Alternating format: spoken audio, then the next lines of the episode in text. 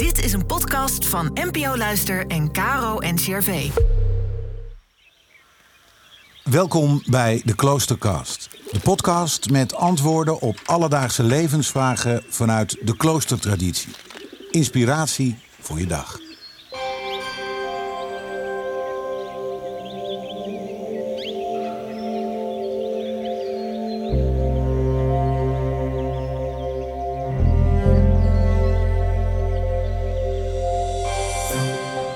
Guido van Bellen is abt van het trappistenklooster Maria Toevlucht in Zundert. Deze orde leeft volgens de regel van Benedictus. Hij geeft antwoord op de vraag: wat heeft tevredenheid met vrede te maken?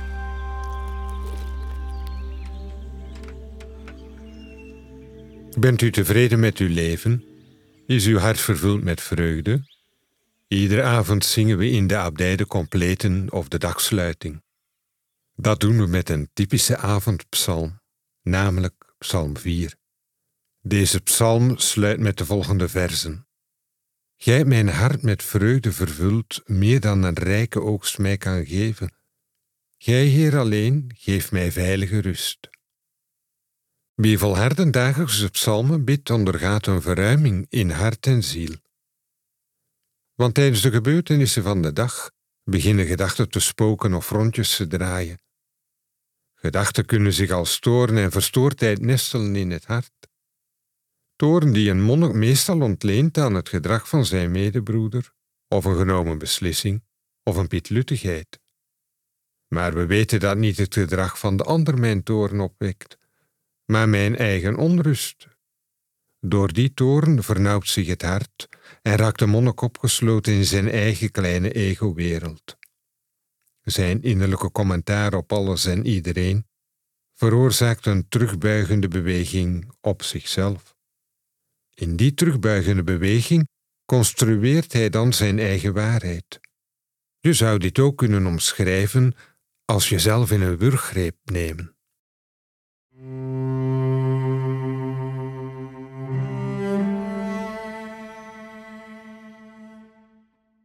Maar hoe lang kan een mens zijn of haar gedachten zetten op wat schijn is, op dat wat onwaarheid is? Een mens heeft kracht nodig om de waan van alle gedachten en van alle zelfgeconstrueerde waarheden in het eigen hart open te breken. Deze kracht is nodig om de afgewende blik weer te richten op de eeuwige en opnieuw de draad op te nemen van het inwendig gebed om zo opnieuw in de ruimte van God terecht te komen. Daardoor kan het beeld van God of Christus opnieuw oplichten.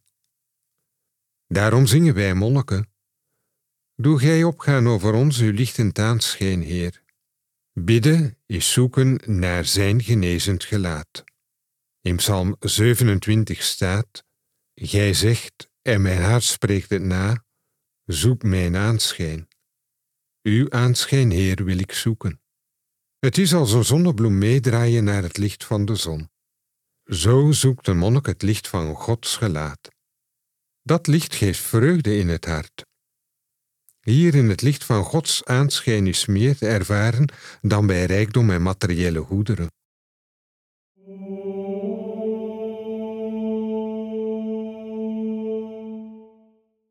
Wanneer een mens, ook al zij niet in een klooster woont, deze dynamiek van gedachten durft open te breken en de dan ontstaande ruimte in het lichtend aanschijn van de Heer doorleeft, vindt hij vredig de rust en de slaap. Nee, we hoeven de slaap niet te vrezen, want de Heer doet ons wonen beveiligd. Gij alleen, zegt de psalmist. Niets of niemand anders kan ons die vrede schenken, ook niet na onze dood. Want nog leven, nog dood kan ons scheiden van de liefde Gods. Rust en slaap, ruimte en verruiming, ze zijn in God, in Christus, in de Geest te vinden, in eenheid. Verzoend met alles en iedereen, zo groeit de monnik naar innerlijke vrede. Een vrede die hij afstraalt op zijn omgeving. Want monniken zijn volgens Thomas Merton als bomen die s'nachts de lucht zuiveren. Daarom vinden gasten het zo fijn in het klooster, omdat zij iets van de innerlijke vrede mogen ervaren. Uit een gebed van Thomas Merton. Eeuwige barmhartige, schenk ons voorzichtigheid in verhouding tot onze kracht, wijsheid in verhouding tot onze kennis en menselijkheid in verhouding tot onze rijkdom en macht Zegen ons vurig verlangen om de mensen van alle rassen en naties te helpen, om zich in vriendschap op weg te begeven langs het pad van gerechtigheid, vrijheid en blijvende vrede.